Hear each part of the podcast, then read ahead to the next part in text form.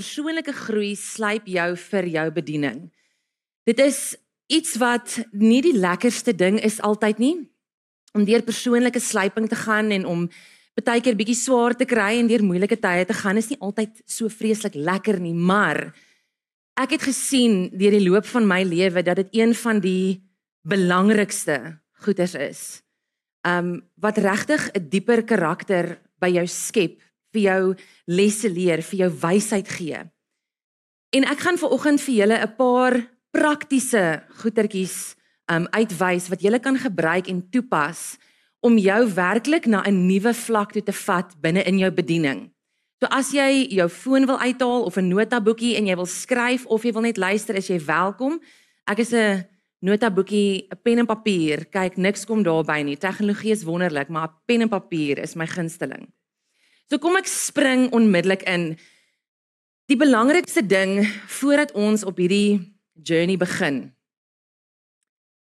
is om jou roeping duidelik te definieer.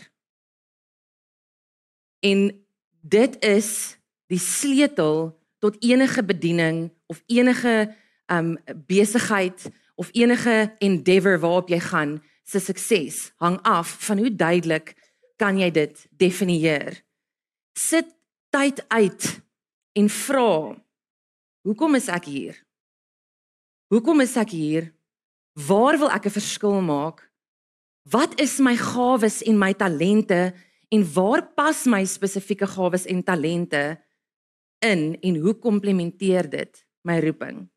Toe ek jonger was, ehm um, ek ek is maar nog net 36, ek is eintlik maar nog nat agter die ore, maar ek eh, glo dat ek darm al 'n paar lesse geleer het en ek het verskriklik jonk het ek begin in 'n rigting instap en geglo ek weet wat my bediening is en wat ek wil doen. Ek was 13 jaar oud toe ek begin worship lei het, aanbiddingslei het hier by Moreletta Park. Dit was ons was nog daar in Rigelaan wat 'n kleiner gemeente gewees het, was voordat dit hierso was. En dit was iets wat ek so passievol oor was.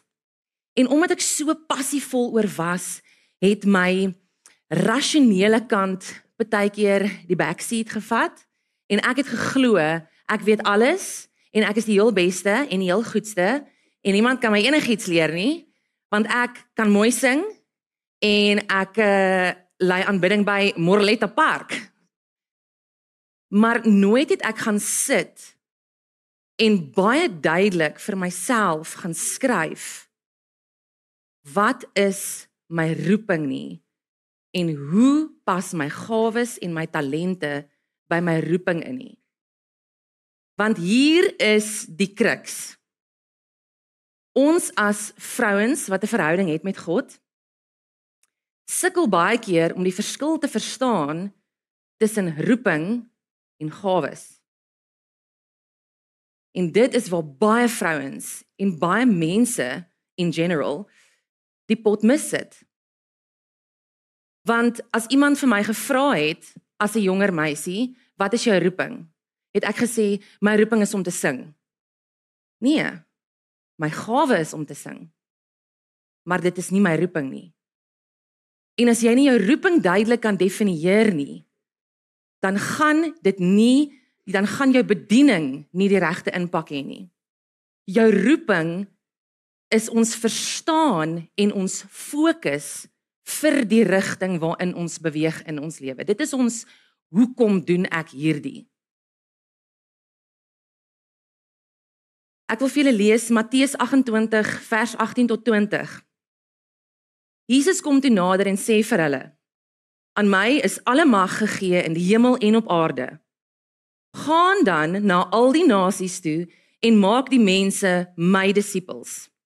Doop hulle in die naam van die Vader en die Seun en die Heilige Gees en leer hulle om alles te onderhou wat ek vir julle beveel het.